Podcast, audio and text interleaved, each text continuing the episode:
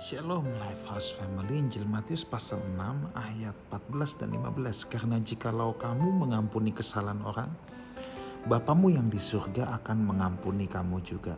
Namun jikalau kamu tidak mengampuni orang Bapamu juga tidak akan mengampuni kesalahanmu. Saudaraku kita pasti pernah disakiti. Kita pasti pernah dilukai oleh orang lain ya. Dan ada satu kepastian juga saudara bahwa kita juga pasti pernah melukai orang lain. Kita pasti pernah menyakiti orang lain. Saudara, saat kita disakiti, saat kita dilukai, memang rasanya berat sekali, saudara, untuk mengampuni orang yang melukai kita, orang yang menyakiti kita. Itu pasti terasanya berat, pasti terasanya kok dia giniin aku sih? Aku udah baik loh sama dia. Rasanya teriris, saudara. Tapi kalau kita baca firman Tuhan di ayat yang barusan kita baca, kita harus mengampuni orang lain. Di kesempatan lain Tuhan bilang sama murid-muridnya 70 kali 7. Ada begitu banyak hal tentang pengampunan dalam Alkitab. Saudara, kita punya satu dasar dulu saudara. Betul, katakan saudara baik terhadap seseorang. Saudara sangat baik memperlakukan dia. Tetapi dia melukai saudara apakah kita tidak perlu mengampuni? Apakah itu bisa menjadi alasan untuk kita tidak mengampuni dan berkata dasar orang itu memang nggak tahu diri? Ternyata itu tidak bisa jadi dasar, saudara. Mau kita sebaik apa pun, lalu orang melukai kita, tidak punya alasan untuk kita tidak mengampuni. Kenapa? Karena dasar pengampunan kita itu bukan karena timbal balik, saudara.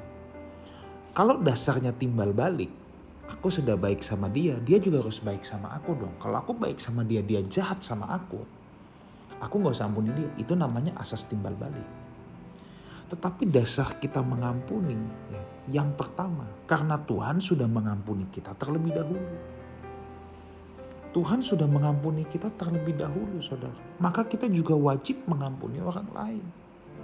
Kematian Kristus di atas kayu salib menebus kita dari dosa, saudara itu sebabnya Tuhan Yesus mengajarkan kamu itu sudah ditebus loh.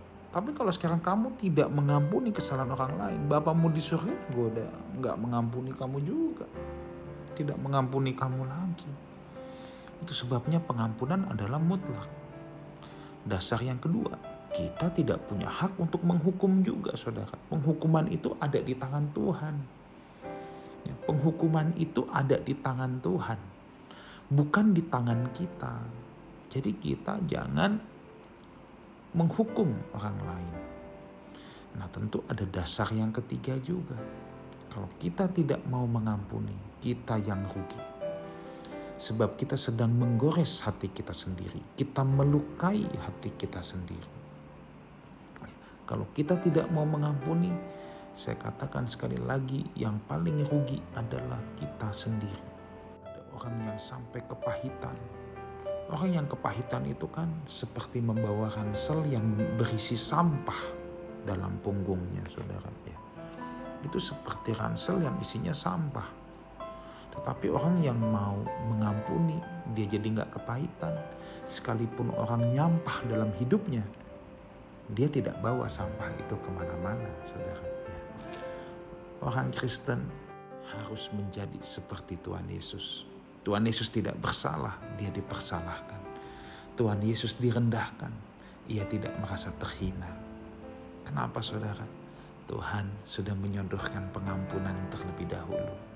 Bahkan di atas kayu salib, Tuhan bisa berkata, Bapa, ampuni mereka. Mereka tidak tahu apa yang mereka perbuat.